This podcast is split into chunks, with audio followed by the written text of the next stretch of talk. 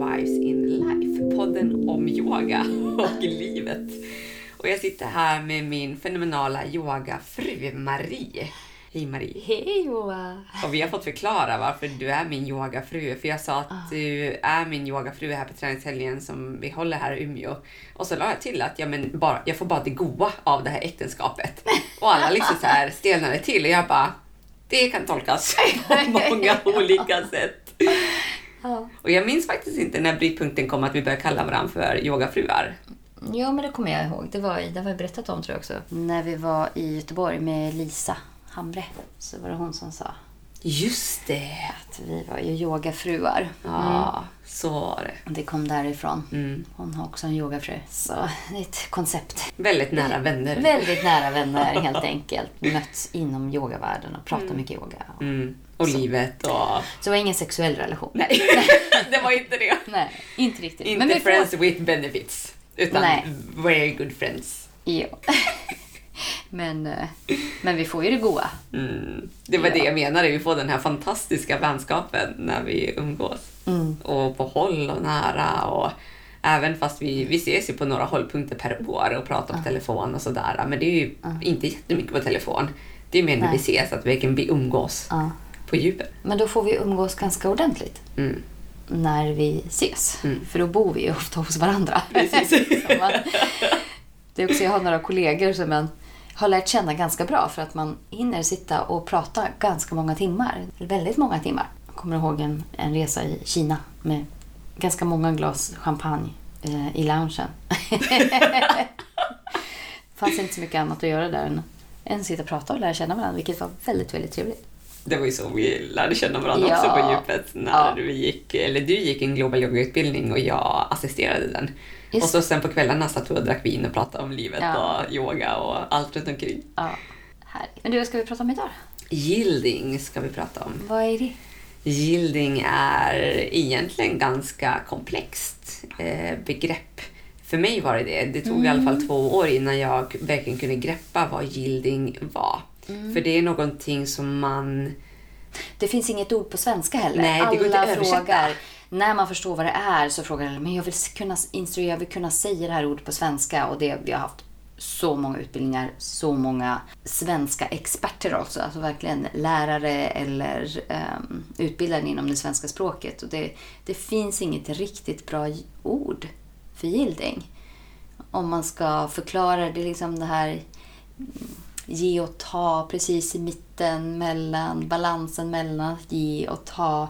Det är väldigt svårt. Man följer med på en våg. Någon brukar, men mycket liknelser kan man ha som att en, en boj som flyter på en våg och följer med liksom, vågen. Men ja, jag, jag gillar inte den liknelsen riktigt heller. För jag tycker bojen följer ju bara vattnet. Det är inte så att bojen ger så mycket tillbaka till vattnet. För att yielding är verkligen den här kommunikationen. Att man har en kommunikation.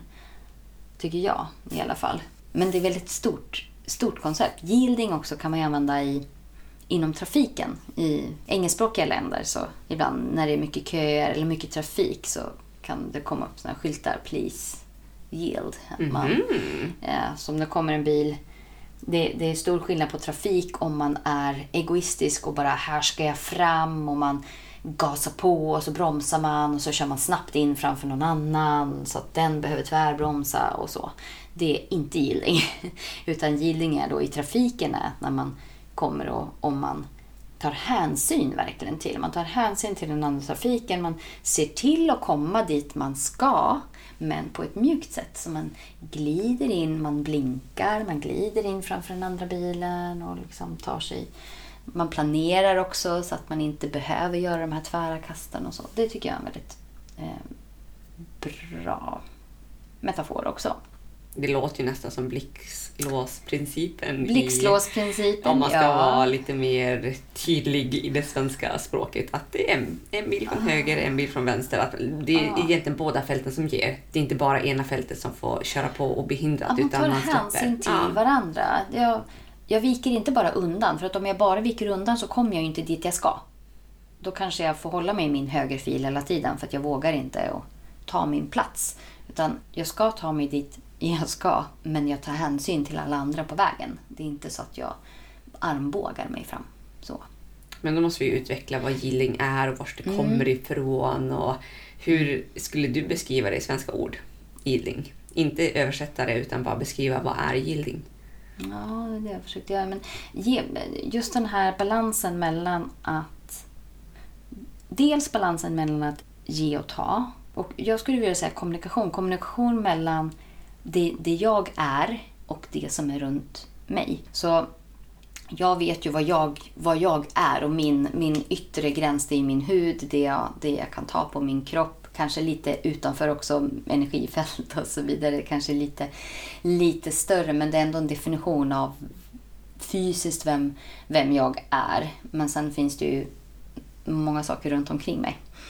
Eh, och jag har ju en ständig kommunikation med både människor och natur och allting som finns runt, runt omkring. Och yielding är när det finns en, ett ömsesidigt förhållande. Det är inte bara jag som dundrar fram. Det är inte bara någon annan eller något annat som dundrar fram och jag måste vika undan. Utan det är, det är, det är, en, det är en kommunikation. Inom yogan så liksom med det här om jag ger min vikt ner mot jorden så ger jorden mig kraft tillbaka. Det blir som en, en energiöverföring. Den, den energi och kraft jag trycker ner i jorden via eh, gravitation den energin kommer studsar tillbaka upp genom mig. Och det är också yielding. Att jag, jag går in, om jag bara sätter ner min fot, bam, ner i mattan som man kan göra om man ska kliva fram från nedåtgående hund till en lounge till exempel. Så ser man ju ofta många nybörjare som bara tar tag, svingar bak benet och så nästan hoppar man fram och bara smäller ner foten i, i golvet. Det är inte healing. Utan när jag kliver fram och verkligen möter golvet. Och just den kommunikationen kan man också ha när man möter andra människor. För mig är yielding också mycket det som händer när man om man går in i ett rum, hur går jag in i det här rummet? Eh, I en yogasal. Hur går jag in i yogasalen och hur beter jag mig där innan klassen? Det kan ju vara så att jag har en jätte fin klass planerad, jag som yogalärare. Men om jag då kommer in i rummet, bara stegar på med hårda hälar i golvet, sliter åt mig mattan, slänger ner mattan på golvet och slänger ner bolstret och bara dundrar på så att säga, så är inte det gilding. Utan jag tar mig in i rummet och tar hänsyn till de människor som är där. Jag lägger ner min matta, jag lägger ner mitt bolster, kliver, går mjukt på golvet. Eh, och känner, det, det har också med att göra att, att jag verkligen kommunicerar med golvet, att jag känner varje, varje steg. Det har med närvaro att göra också tycker jag. Det är supermycket närvaro. Ja. Mm otrolig närvaro, inkännande mm. och medvetenhet. Mm. Och det har man ju kanske inte alltid, Nej. alla gånger. Men det är någonting man kan träna upp att ha oftare. Mm. Och väva så det är så in. många mm. saker. Men det som är yielding kommer ju från det jag har lärt mig, det är genom embodied flow. För att det är en av de principer som man, man har fem principer inom embodied flow. och Vi har pratat om det här förut tror jag. Um, Body is a vehicle for awakening är det första, yielding är det andra. Så då, och det är verkligen en av mina favoritprinciper. Varje klass inom en body flow ska ha någonting, um, en huvudprincip och sen kan den ha delar ifrån andra principer också. Men oftast har man en huvudprincip som man utgår ifrån när man planerar sin klass. Och just yielding kommer tillbaka väldigt, väldigt ofta. Jag har haft det hela nu augusti i min Earth and Sky-klass. Jag har haft en klass som, vad som är för mig, jag har inte sagt det alltid, men åtminstone för mig så har den hetat Between Earth and Sky. Och det är precis det det handlar om, du, du är mitt emellan. Mitt emellan jorden och himlen. Och jorden supportar dig, himlen tar emot dig. Tar emot din, din, din form. Oavsett hur din form ser ut så får du stöd ifrån jorden och himlen tar emot dig och supportar dig. Just att healing är en av principerna och det, den eh, sutra som, som man kopplar den till är Stiram Sukham asana. Den, det säger väldigt mycket också om vad healing är om man är yoganörd. Då vet man vad Stiram Sukham asana är. Eh, Stira betyder ju den här attention. Oftast översätts den till att asana är en stadig, stadig men komfortabel position. Så stira är ju stadig Stira och sukham är ju det komfortabla. komfortabla det, det betyder sötma, det mjuka. Stiran brukar jag ofta säga att det ska vara liksom en liten attention i muskler och, och leder och så. Att man, man stöttar upp sin kropp fysiskt. Att man, och även en närvaro då. Att man är, man är närvarande. Även mentalt. Eh, och, men inte för mycket. För att då det behövs även Sukam, det här söta. Det, det som gör att det blir en, en frihet i, i kroppen och i sinnet. För att om man använder för mycket kraft, för mycket stirra, äh, tar i så att man, om man biter ihop känkarna och tar i jättemycket. Eh, då är det inte gilling heller. Då är det propping som vi brukar prata om. Man använder för mycket kraft. Eh, och är det för mycket sukham, för mycket mjukhet, då är det ju en kollaps det handlar om. Så det är precis mitt emellan. Där, siram, sukham, asana. Ja, den passar ju väldigt bra i yogasammanhang. Men när det kommer till styrketräning så blir det ju väldigt mycket stira. Väldigt mycket propping. Om man ska lyfta riktigt, riktigt tungt. Ja, men även där så ska du ha en kommunikation. Har du, bara, alltså har du propping, har du för, använder du för mycket, du ska använda precis så mycket kraft som det behövs. För Det att sant. göra det du Ja. ska.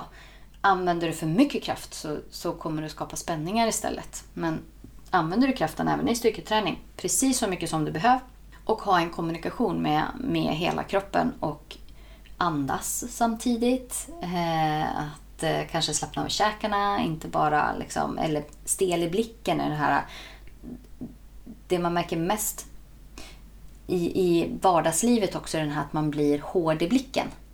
Är du hård i blicken så är det propping. För mig i alla fall. Eh, Men jag och tänker mer på marklyft och sånt, att då Ja. spänner man ju allt. Ja. Käkar och man andas Mm. inte utan man har buktryck och sånt. Så jag tror inte yielding är applicerbart överallt. För då ska man ju spänna allt vad du bara kan. Ja, rent muskulärt. Men jag tror yielding är så mycket mer än Ja. bara det, bara muskulärt. Utan det är mer mentalt. För om du är överpeppad, då är det också då är det för mycket stiram. Du proppar för överpepp. Det är inte heller bra. Utan har du fokus, du ska ju vara lugn. Så även om du ska göra ett riktigt, riktigt Mm. skittungt marklyft. Så, ja men vissa går ju på ilska. När det är eh, kan ge mycket energi. Ja. tävling, de kör lukt. Liksom, de, de liksom verkligen försöker få upp ilskan, aggressionen i kroppen för att man ska få ut så mycket energi som möjligt. Ja, jag vet inte. Det Jag har kanske inte inte är applicerbart Det kanske där. inte är riktigt applicerbart. Fast det är ju för lite grann som du säger, man måste ju fortfarande vara närvarande i det man gör. Och är man inte där och bara köttar upp så att säga, man bara sliter utan att känna efter vad känns det, hur känns det, Ja, känns det bra, känns det dåligt? ja. Då är det ju för mycket propping. Det är inte direkt yielding det de gör när de släpper ner stången alltså. Nej, Bara kasta ner den i marken. det är, inte noll, yielding. noll yielding. Noll, noll. noll yielding där. Ja. Nej, det var svårt att jämföra. Fast det går ju säkert som du säger, för jag tappar Mm. ju aldrig den här stången. Absolut, jag kan tappa den lite sista biten, men jag försöker också hålla på vägen ner, för jag inser att jag blir stark där också. Mm. Ja. Det är inte bara uppvägen jag blir stark på, det är nedvägen jag också kommer bli stark på. Ja, det är kanske är skillnad på tävling och OS. Det är jättestor skillnad. De, de tränar ju inte hälsa, de tränar ju tävling. ja. Så det är lite skillnad. Men yielding-begreppet är ju väldigt applicerbart inom yogan och hur man använder kroppen i yogan. Och det är ju där både du och jag har stött på det och sen har det fått sprida sig ut i vårt vardagsliv också. Och jag, ord som jag fastnar för är väldigt mycket mer följsamt. Följsam, Mm, fast inte på ett följsam. negativt sätt utan Nej. följsam men ändå tydlig. Mm. Att jag följer med i rörelsen och följer efter rörelsen och får ändå stöd av min omgivning på olika sätt. Och ibland så kan man säga att man får stöd av luften.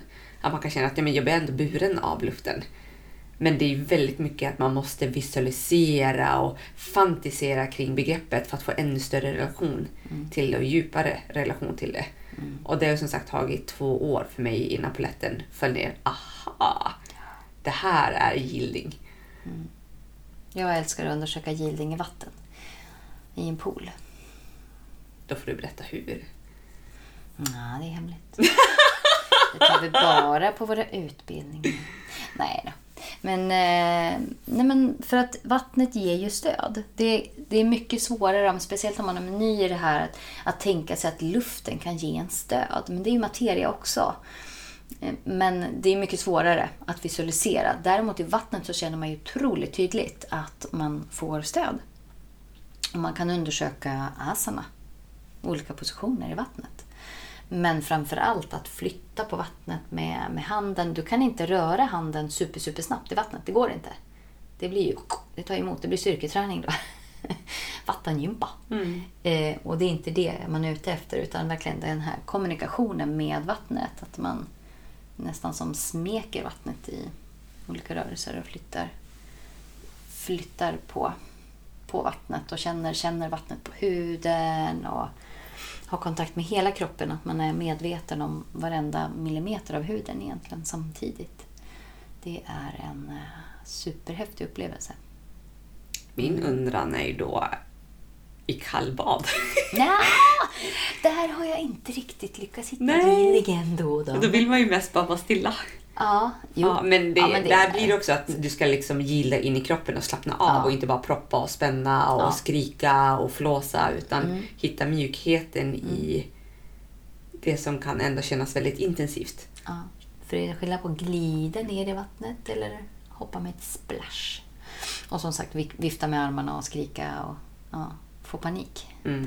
Det, så, och det är balansen mellan gravitation och lyftet. Det blir en superkraft när man förstår det. Ja, Att om jag trycker ner så får jag hjälp att lyfta upp. ja, För det, inom yogan så kämpar vi yogalärare väldigt mycket med att förklara det för våra Mm. deltagare. det är den här root to rise. Ja. Så det är också en kommentar jag ofta har fått. Att Jaha, men jag har aldrig förstått det här med root to rise förut. Jag har bara tänkt att jag ska gräva ner fötterna och stå stadigt för att eh, inte ramla eller så. Men det är verkligen root to rise. Det är liksom att du trycker ner din energi neråt rotar ner för att kunna få tillbaka energin och använda den uppåt. Så många gånger så, också från början när jag började med yoga, att man komma från en, en framåtlutad position till en upprätt position så tänker man bara att jag, jag lyfter min överkropp. Som från en låg lounge till en hög lounge till exempel, eller framåtlutad till, till upprätt så tänker man att jag ska bara resa upp min rygg. Men varifrån kommer kraften? Kraften kommer från dina fötter. Du trycker ner dina fötter, upp, energin går upp genom benen, upp genom bålen. Och sen kan du med lätthet lyfta din överkropp. En helt annan grej än om du bara fokuserar på att du ska använda din muskulatur i ryggen för att lyfta upp din rygg. Så just den här, och det, det blir en ständig kommunikation med jorden, med golvet och även med luften runt omkring dig. Och jag tänker väldigt mycket på, mycket på Newtons lag. Men den Mm. blir inte riktigt applicerbar för Newtons lag tänker att oavsett kraft ner Mm. så får du samma kraft upp. Men där märker ju både du och jag skillnad att om jag pressar ner och är medveten om att jag pressar ner så, och lyfter upp samtidigt så märker jag en helt annan kraftskillnad än om jag bara står.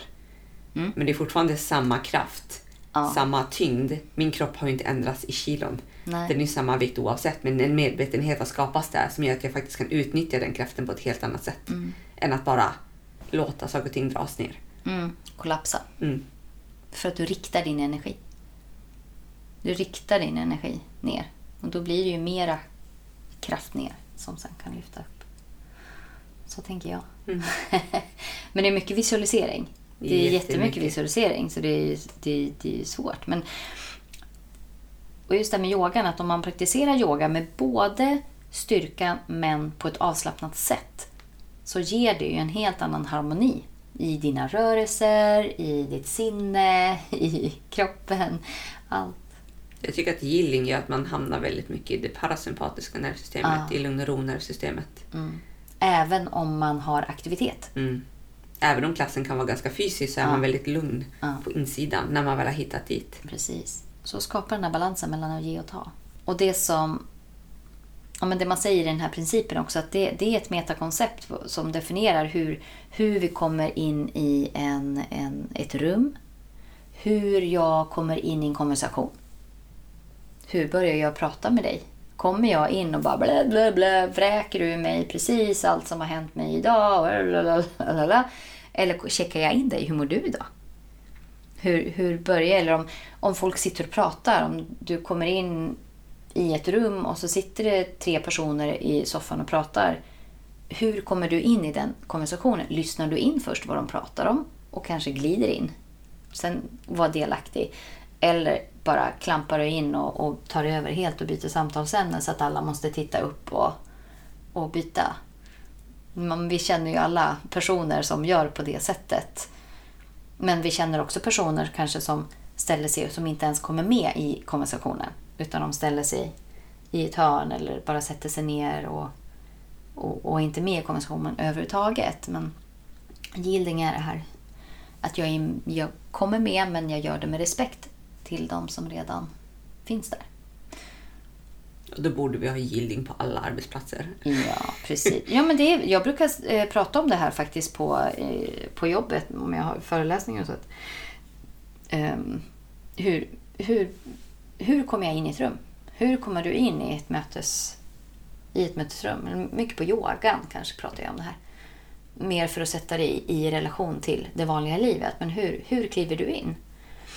Vi har en del chefer på, inte bara chefer, men mest chefer som kan kliva in i ett, i ett mötesrum och så bara skrika ut precis det de vill och så bara gå ut därifrån. Alla sitter med öppna munnar när, man, när personen går ut. Och även hur man beter sig i mötet. Nu i Sverige är vi ju väldigt bra på konsensus. Så, så vi vill tro det i alla fall. Sätt. Ja, precis. Fast det är lite mer, ena är propping och de andra är kollapsning. Ja. Så även i en relation så kan man ju, kan man ju antingen använda för mycket kraft, eller för liksom propping, att man verkligen är för beroende i en relation, om vi nu skulle ha en relation, att jag, även i en vänskapsrelation, det kan vara en kärleksrelation eller en vänskapsrelation, att ena personen är klängig. Helt enkelt. Eh, antingen, eh, eller puttar ifrån, kan det också vara. Att man är väldigt avståndstagande. Och de två kan hänga mycket starkt ihop. Ja. För jag var i en sån relation innan ja. jag träffade Marcus. Mm. Eh, så han var väldigt avståndstagande och jag var väldigt, väldigt på. För mm. att jag behövde så mycket närhet och han hade inte alls behov mm. av samma närhet. Så jag blev ju väldigt intensiv kan man nog säga då för att jag inte fick det jag behövde mm. i den relationen. Så jag mm. började söka det uppmärksamhet utifrån, utan, ut i andra sammanhang och det var en period då jag festade väldigt mycket så det, liksom, det var spännande att prata med andra killar och mm. sådana där saker. Inte för att jag ville, ville något men utan jag, jag fick uppmärksamhet mm. därifrån. Så vissa relationer är inte alltid meant to be när det blir den där klängiga relationen. Vissa saker kan man säkert lösa men är man på så pass mm. olika våglängder att jag ville ha så mycket mer närhet och uppmärksamhet och diskutera och prata grejer. Han var introvert och ville inte alls ha samma närhet och prata om saker. Och då och blev det att du krävde mer uppmärksamhet ja. istället så tyckte han bara att du var ännu jobbigare. Mm. Mm. Ja. Och då blir det ännu värre. Då blir jag mer klängig och han blir ännu mer mm. avståndstagande istället. Mm. Så ja, verkligen hur, hur, man, hur man rör sig också i relation till andra men även sin omgivning. Och det kan också vara ett mönster på dåligt självförtroende eller självkänsla och sådana saker som man behöver kolla på i grundbotten. Mm. Eller så är det olika konstitution, konstitutioner som inte passar med varandra. Mm. Men bara medvetenhet om det gör att man kan få en bättre relation. Mm. Det är så. Vi ber ju alltid våra kursdeltagare att skriva en liten reflektion sen efteråt. Och många, många gånger så är det just yielding. Vi går igenom alla principerna men många gånger är det just yielding som får så jättestort avtryck just för att man kan använda det i vardagen. Så lätt. Det är så lätt att se de här mönstren då när man har lärt sig om den fysiska versionen av, av yielding Eh, Eh, i yogasalen och sen prata lite grann om det här med relationer och hur man rör sig i sin omgivning, hur man tar hänsyn till naturen och så vidare. Så är det så många som har sagt så mycket som det har gjort för deras egna relationer. Även någon som de har varit gift med i tio år eh, så kan de komma till en helt ny nivå bara för att man ser vissa, vissa mönster. Och det är ju jättehäftigt. Mm, super, superhäftigt. Och det, är, det är ju precis det man vill. Att man ska kunna använda det du gör på yogamattan ska man kunna ta med sig ut i, ut i livet. Det är ju faktiskt den bästa yogan. Inte bara att du gör yoga och så, så kommer du hem och är fortsatt en omedveten, ibland kanske douchebag Ja. mot nära och kära och omgivning och inte närvarande eller kärleksfull eller inkännande. Jag brukar säga att de är inga riktiga yogis. Nej. Om man lämnar yogapraktiken på mattan och låter den vara bara på mattan. eh, Så menar, det, är, det är inte där man sätts på prov. Nej. Det Och är- går man igenom den klassiska yogasutra så finns det ju en åttafaldig väg. Ja. Och då är det ju, en del är yogapositioner. Ja. Resten En är väldigt ju, liten del. Ja, en väldigt, väldigt liten del. En åttondel är det, sen är det en massa andra eh, medvetandegörande delar. Så yoga är ju så mycket större än bara den fysiska praktiken. Men den fysiska praktiken kan hjälpa att bli så medveten om din kropp, dina mönster, din andning. Och att du kan jobba med olika principer som du då kan ta ut till livet för att göra livet så mycket skönare och godare och mer närvarande och inkännande. Ja, för man kan även använda yielding in i en känsla. Eh, om jag känner för en- en känsla, eh, typ ilska, smärta också, som vi kanske har känt lite grann idag. Jag kommer då ha träningsvärk imorgon. Vi har gjort eh, grodhopp. Och eh, ja, det var igår. Ja. Det var inte så farligt. Men, eh, mm, och, och kallbadet i morse. Det är ju viss smärta. Ganska mycket smärta. Ganska mycket smärta från början ja, och i slutet. Ja, ja det smärtar hela tiden. Och löpningen var kanske smärtsam. Löpningen var riktigt tung för mig idag. För jag har ju slarvat så mycket med löpning. Jag är ute och springer med barnen men det går ju inte så fort. Det klarar jag av. men jag har inte pressat mig själv alls på eh, väldigt länge. Ibland är det härligt att få upp pulsen. Men jag är ändå van att kunna springa på ett sätt. Och nu kan jag inte det lika snabbt. Eh, och verkligen känner att andetaget blir riktigt ansträngt. Och bara att ja, men acceptera det också. Det är på något sätt en, en, slags, eh, en slags yielding. Att förstå att ja, men jag är inte där, där jag brukar vara. Och då får jag anpassa mig till det. Det är att anpassa mig liksom, på något sätt till... Jag behöver inte ge upp. För att det är inte heller yielding. Om jag, om jag skulle ge upp då, ja, men jag kan inte springa lika fort eller lika långt som vanligt. Och då ger jag bara upp. Det är ju collapsing. Eh, om jag bara hade pressat på tills jag kräkts, då är det propping. Eh, så jag tyckte jag klarade mig ganska bra idag faktiskt. Jag var helt slut när jag kom fram. Men, ehm, men det gick fort över. Mm. Mm. Och förmodligen så kommer det gå väldigt mycket bättre nästa gång. Mest troligen. Ja. Men just det här med att ge- yielding in i en känsla, till exempel eh, ilska. En, en reaktion, man blir arg på någonting. Eh, om, man kan, om man kan gå in den på ett mjukt sätt och liksom bara försöka, försöka förstå den på något sätt. Att man inte bara direkt låter den smälla till och låter den bli ännu större. Ibland behöver man stänga dörren och gå därifrån. Ja. Ja, men det handlar mer om att den här the felt sense, vad säger man på svenska? Eh, Det, den strukturen av en känsla. Att man hänger kvar bara i, inte i historien bakom, för det är ju det det handlar om. att Jag vet inte riktigt var jag vill komma, men Jag brukar se det som ett gästhus. Att alla känslor är välkomna och att de får komma in och de får ta plats. Och om man släpper in dem, då kommer de så småningom att gå. ja, Men om du stänger dörren och inte vill känna dem, du vill inte veta av de dem, att då kommer de verkligen att banka på dörren. Du kommer slå ner dina fönster för att komma in så småningom. Ja. Gå in i känslan av den. Bara gå in i förkroppsligandet av den här fysiska känslan. Inte andas historien bakom. slappna av. Andas, slappna av, mjukna in i den. Men var, var kommer den ifrån? Du kanske inte vet, ofta vet du var det kommer ifrån, men att man också även där går in i den, in i den känslan. Mjukt undersöker den. Och förstår var den, var den kommer ifrån. Och kanske ibland så har man verkligen rätt att bli arg. Eh, men oftast löser man inte så, stora, så, så mycket problem genom att skrika och, och bli, kasta saker. Då vill man lösa problem. Du kan ha rätt att vara arg, du kan få visa att du är arg. Definitivt. Men eh, man kan lösa problemet på ett mycket mer konstruktivt sätt om du har gått in i den känslan och eh, som man brukar säga räkna till, till tio, som man brukar säga. Men kanske inte räkna till tio utan mera bara... Ibland behöver man sova på saker. Sova på saker. Skriva av sig och Ja. reflektera utan att skicka. Ja. För det kan ju också vara gilling. Att precis. man behöver en bearbeta processen. För jag var ju med om en ganska intensiv konflikt Ja. förra veckan. Och där gick jag ju inte in i tankarna kring det. Ehm, jag tänkte väldigt, väldigt mycket tankar. Men då gjorde jag att jag får kallbadare, jag undervisade för då tänker inte jag mina tankar. Och det var det jag behövde där och då. Det var mitt sätt att gilla in till det. För att det vart för mycket negativa spiraler.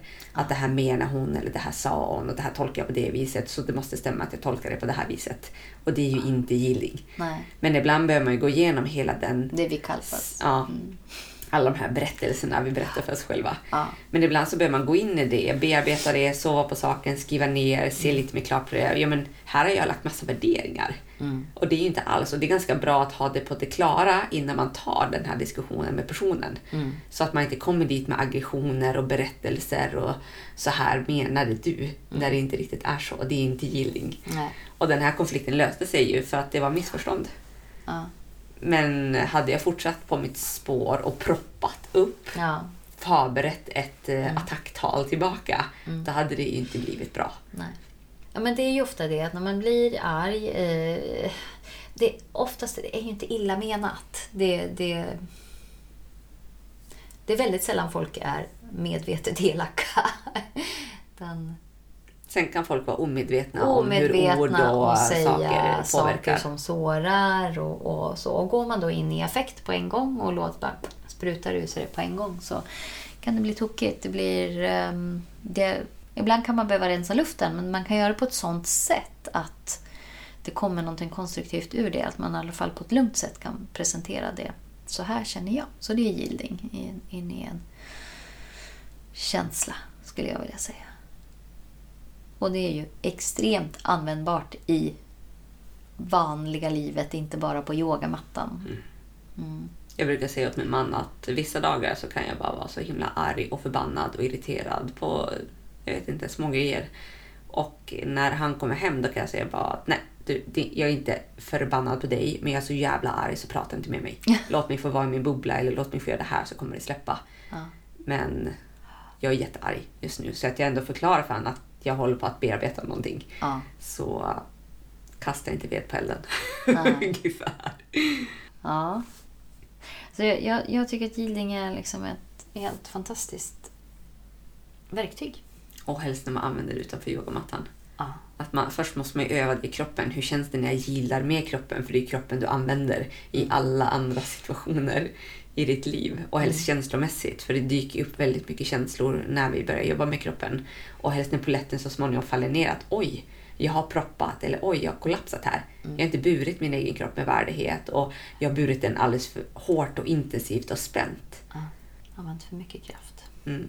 Ja, man har alltid saker att lära men jag är extremt tacksam över att jag har lärt mig det. Just det att se och verkligen få höra hur stor skillnad det gör i folks liv.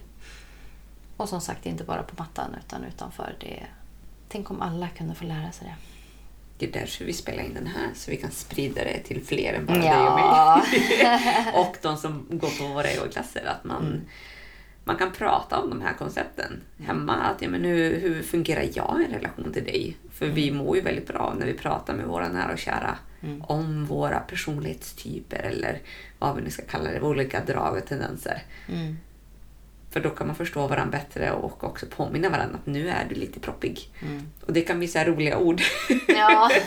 så, som man- Svengelska som vanligt, det är Ja, svårt. det...